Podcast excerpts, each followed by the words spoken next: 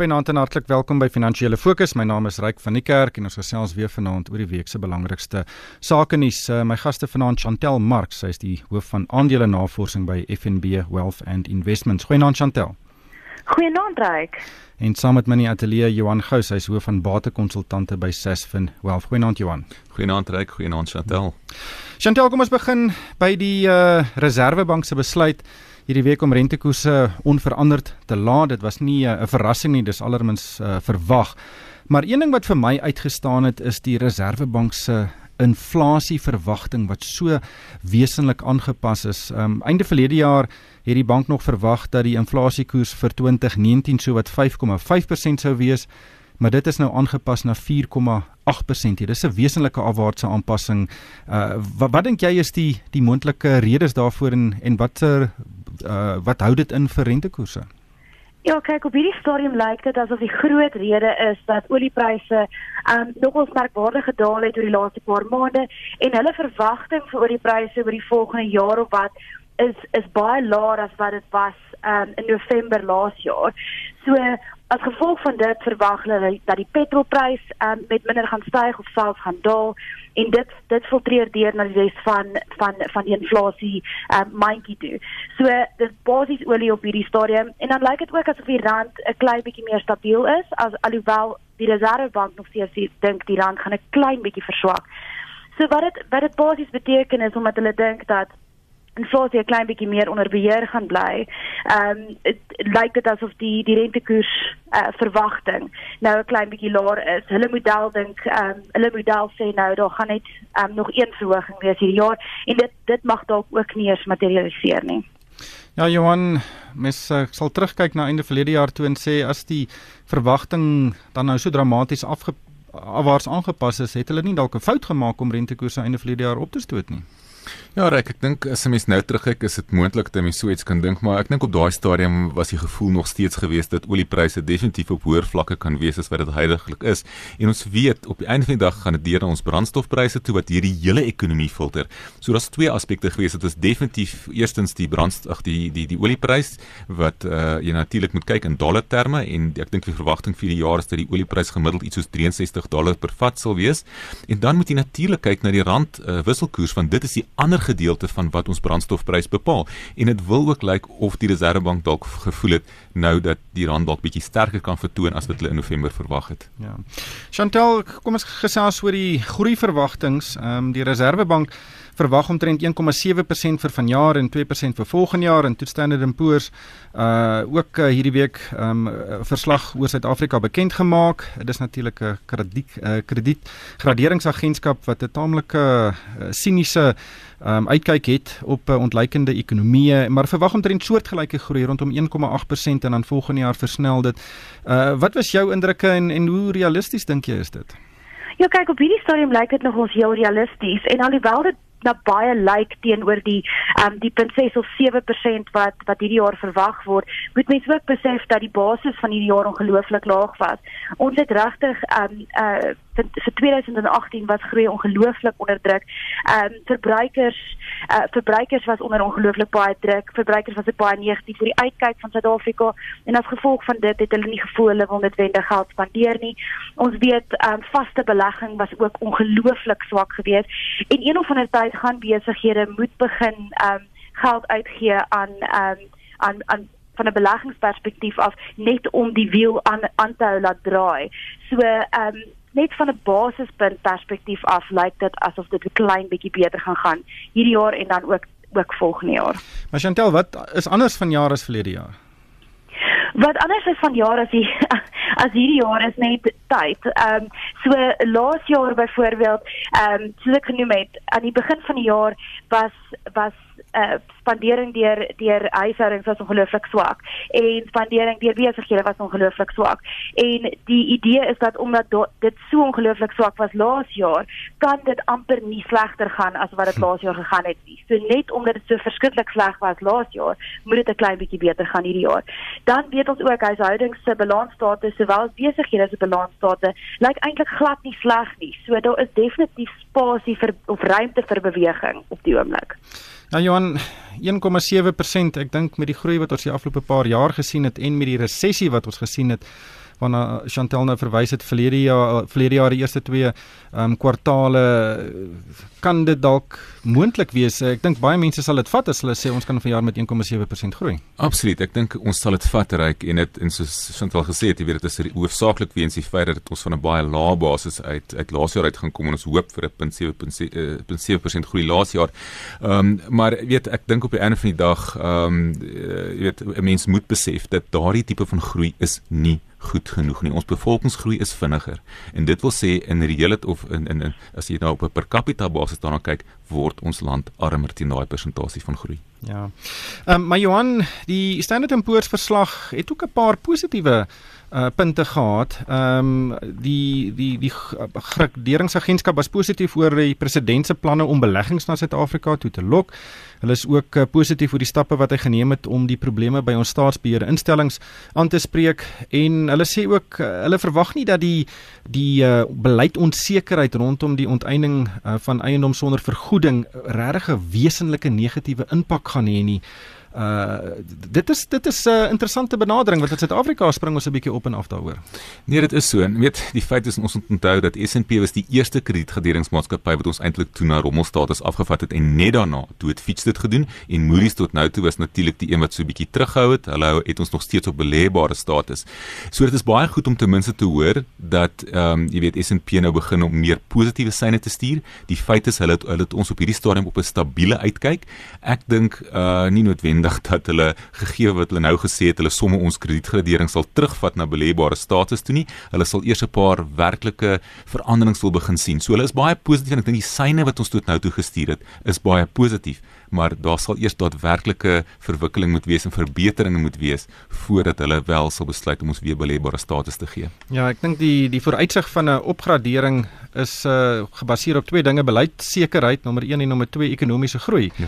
En uh Chantel, kom ons kyk gou ons het nou net gesels oor ekonomiese groei wat uh miskien beter lyk uh, as wat uh uh, dit gelyk het omtrent 'n jaar gelede maar uh, beleidsekerheid ons het nou gesien dat by die Reserwebank het Letsetja Kanyago nou ook tydens sy perskonferensie hierdie week taamlik klem gelê uh, dat die mandaat van die Reserwebank in die grondwet gesetel is en dat 'n uh, die ANC se beleidsmanifest wat daarop gesinspeel het dat die die mandaat verander kan word om eerder ekonomiese groei te bevorder as om inflasie in toom te hou dat dit eintlik 'n uh, eh, glad nie eintlik 'n argument is nie. Mense moet kyk na die grondwet en en dat die in die hele debat daaroor eintlik nie so groot prominensie moet kry nie. Wat was jou indrukke daarvan Okay, ek dink wat nogals interessant was ook was dat ehm um, Tito Mboweni op Twitter ook nogals ehm um, redelik baie te sê gehad het oor die Reservebank en sy onafhanklikheid uh, sowel as sy mandaat en was baie ondersteunend ehm um, van dit hoe kan ook se se standpunt wat hy ingeneem het. En met die manifest was was nogal die manifest was nogal interessant en die die retoriek wat om die manifest aangaan is eintlik bietjie teenstrydig met wat wat in die manifest gestaan het. Dit wil lyk like asof hy nog redelik vinnig aan mekaar gesit is en asof daar 'n klomp dele van die ANC gelukkig gehou moes word um, met hierdie spesifieke dokument wat wat wat vry vrygestel of voorgestel is um, aan die publiek. Um op die oomblik die die die hoofleierskap van van die ANC praat 'n klein bietjie van 'n van 'n verskillende dingetjie of dit praat selfs verskillend van mekaar op hierdie stadium. En ek weet soos wat jy noem beleidsekerheid is ongelooflik belangrik. Um soos wat S&P wil hê, soos wat Moody's wil hê, soos wat Fitch wil hê en wat beleggers vir die algemeen wil hê. En ehm um, die manifest wat so 'n bietjie die mekaar is en nie noodwendig saamstem met wat wat gesê word in ander in, in sekere dele van die ANC nie. Ehm um, gaan definitief nie help met beleidsverseker met beleidsversekering nie, maar ek dink ons gaan 10 teen 1 sukkel met hierdie probleem tot ten minste na my. Ja, weet ek net om by aan te sluit, weet hierdie is baie belangrik um, om om my beleidsekerheid te hê. Ons gaan nou hierdie week gaan ons Davos toe en jy weet een van die goed wat hulle sal vra by Davos is, jy weet wat het verander van laas jaar tot nou. Ek kyk ek dink ons gaan in 'n sterker posisie in as vir hierdie jaar want uh, daar is word daarom nou weer sinvol gepraat tussen arbeid, die regering en die en die private sektor. Ehm um, en en en dit is baie goed om te sien dat daar selfs 30 besigheids- en siviele verteenwoordigers saamgaan. Ehm um, maar weet om daai 100 miljard uh, te kry wat Ramaphosa wil hê. Weet sal jy een van die kwessies wat jy sal moet duidelik kan aanspreek is die kwessie van beleidsekerheid. Maar dink jy hy kan dit aanspreek? Wel, jy weet ek dink beter as vir dit 'n jaar terug hy uh, uh, dit 'n jaar terug sou kon doen.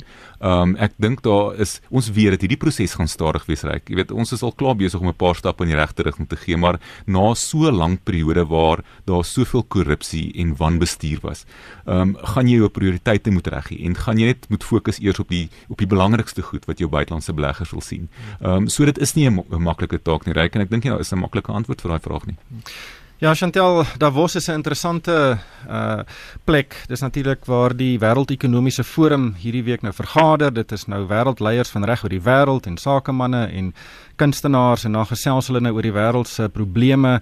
Hulle probeer dit oplos. Hulle betaal meer as R1500 vir toebroodjies. Het ek iewers gelees uh, vandag. Dis 'n baie duur storie en hulle praat mooi dinge daar en hulle probeer regtig uh intellektueel klink. Maar wat is jou indruk? Dink jy span Suid-Afrika kan iets regkry daar?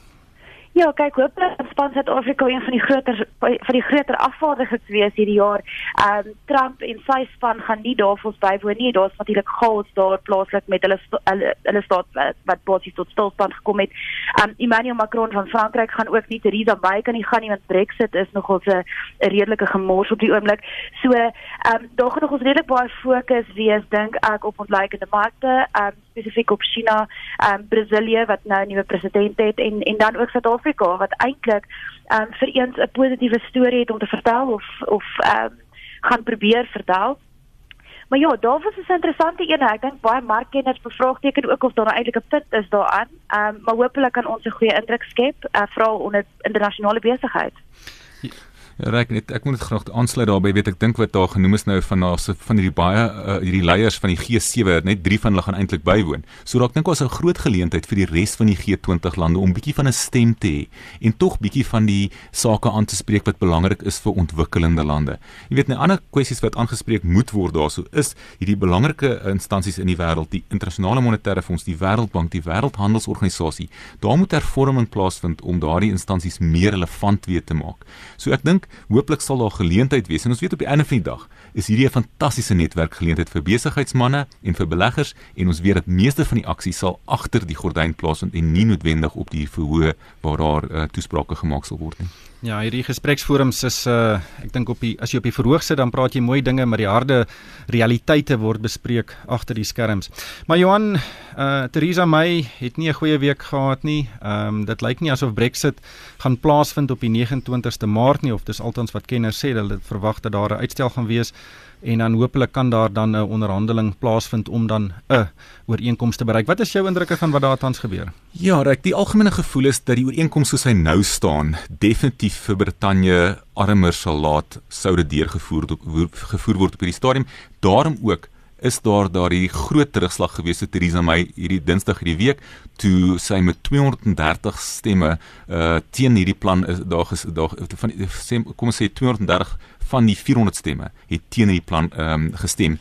Nou die huidige situasie wat nou het, een van twee groot opsies is. Of hulle trek die artikel 50 kennisgewing wat hulle aan die Europese Unie gestuur het terug of hulle vra vir uitstel en hulle probeer om weer hierdie ooreenkomste heronderhandel en mense soos Jeremy uh um, Corbyn uh selfs John Major die vorige eerste uh, minister hy vra uh, dat hierdie uh um 29 Maart uh, afsnypunt uitgestel word dat hulle ten minste net weer kan gaan heronderhandel om te kyk of hulle dalk 'n beter op uh, opsie op die op die tafel kan sit nie.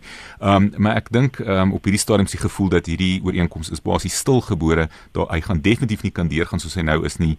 Ehm um, Theresa May voel sy kan nie teruggaan op uh die mandaat wat sy hierdie kiesers gegee is nie. So uh, die probleem is net reg hierdie uh, situasie gaan ons laat met nog 'n bietjie onsekerheid by die markte nie genoodwendig gelukkig gaan hou nie. Chantel, wat is jou indrukke van daardie uh, gemors wat Johan nou so mooi opgesom het? ja, nee, kyk, um, dit is nogals 'n gemors, um, maar Rita May bly vir nou eerste minister en um, sy moet nou maar vinnig 'n nuwe plan of ten minste 'n plan vorentoe um, aan Britse aan die Britse parlement voorlê. Dit is môre. Dit is so vinnig soos môre. So, I mean, sy sy bosie se vroeër hierdie voorlaas week ehm um, het sy nie steen gekry vir die plan nie en ewe skielik moet sy nou weer nou, nou moet sy kom met met 'n nuwe manier om hierdie om hierdie aan te pak. En ehm um, ek weet soos wat Johan genoem het, dit lyk asof hierdie plan van haar glad nie gaan gaan deurgaan nie. En die die kans op 'n tweede referendum begin ook nou uh, 'n bietjie styg. Maar dit lyk asof Brussel ook 'n klein bietjie ehm um, uh, bietjie oor dit is. Dink nie meer hulle is meer uh, baie lus om verder verder te onderhandel om trend Brexit nie. Ehm um, die Britte soek definitief nie 'n harde Brexit waar hulle net sonder enige ooreenkoms um uit die die Europese Unie gaan nie. Ek meen ek het al syfers gehoor van dat hulle 'n uh, 'n uh, 'n diep resessie kan verwag van tot en met negatiewe ekonomiese groei van 10% um in die eerste jaar wat hulle um die Europese Unie verlaat. So dis definitief nie iets wat hulle op hierdie stadium soek nie. Um ek dink as mens positiewe probeer um kry uit hierdie saak uit. Ek dink wat vir Brit omdat dit vir Brittanje so ongelooflik moeilik was, maak dit die standpunt wat die Kataloniese mense in um, in Spanje sowel as sekere um, politieke partye in Ita Italië inneem, um, 'n um, klein bietjie minder sterk, so daar behoort dalk stabiliteit op die ou einde van die dag in die Europese Unie te wees. Hmm. Johan, almal fokus die heeltyd op die impak op Brittanje dat dit vir hulle nie 'n 'n goeie scenario is indien daar nou 'n sogenaamde harde Brexit is nie. Wat kan die impak wees op die Europese Unie wat op die oomblik tans nou nie heeltemal uh weet uh, baie baie goeie ekonomiese om toestande beleef nie. Nee, korrek, ek weet almal praat nie heeltyd van Brittanje en die impak op hulle ekonomie, maar ek dink kom ons uh, om daai vraag te antwoord, uh, as ons net gaan kyk wat het gebeur in die wêreld die laaste paar jaar. Ons het globalisering gesien en dit was die absoluut die antwoord gewees vir die hele wêreld. Maar ek dink globalisering het vir baie lande en die uh mense van daardie lande tog 'n bietjie van 'n uitdaging, ander uitdagings geskep. Um en en dis hoekom onder andere daar nou 'n meneer Trump die president van Amerika is. En dis hoekom China hulle het nog altyd so half bietjie hulle eie ding gedoen en hulle is groot genoeg om dit dalk te doen. En en die weet uh die wegbreek van Brittanje um uit die Europese Unie was deel van daai 'n proses wat ons nou weer half teen globalisering gaan. So um, om te sê weet is dit goed of is dit sleg? Ek dink daar gaan voordele uitkom vir die Europese of vir Europa, maar ek dink op die einde van die dag ehm um, daar was ook baie weet jy kan nie sommer net een groot handelsvernoot soos daardie soos Brittanje net eweslik verloor en dink daar gaan nie uh, negatiewe konsekwensies wees nie. Chantel net laastens, ehm um, ek het vandag ek ry 'n klein bakkie, ek het hom gaan volmaak met brandstof. Dit het my net so oor die R700 gekos en ek het nou gaan uitwerk as ek in uh Zimbabwe vandag my tank vol gemaak het dit het my meer as 2100 rand gekos. 'n uh, geweldige verhoging in die brandstofprys tot 41 rand 'n liter in Zimbabwe. Die daai ekonomiese gevolge gaan katastrofies wees. Ja, reg en um, ek meen dit dit wil voorstel dat jy kon petrol of um, of diesel kry in Zimbabwe. Want dit lyk my as een van die groot redes hoekom die die prys so gestyg het. Hulle het eintlik 'n ongelooflike groot probleem gehad met um met met um met die on met die met die, met die aanbod daarvan. So um dit het ook nou veroorsaak dat daar baie baie sosiale onrus in in Zimbabwe is. Ek het on, verskillende ontstellende figure vandag gelees, um, onder andere 12 mense dood, 844 um, totale oortredings van menseregte um, wat opgetel is in Zimbabwe sover en dit is net van um, van middel van laasweek af. So um, definitief 'n ongelooflike slegte situasie daar. Ja, dit uh, hopelik kan daarom situasie daarom ook 'n bietjie verbeter. Ongelukkig het die tyd ons ingehaal. Baie dankie aan Chantel Mark, sy is hoof van aandele navorsing by FNB Wealth and Investments en ook Johan Gous, sy is hoof van batekonsultante by Sasfin Wealth. En van myself Ryk van die Kerk, dankie vir die saamluister en ek hoop almal het 'n winsgewende week.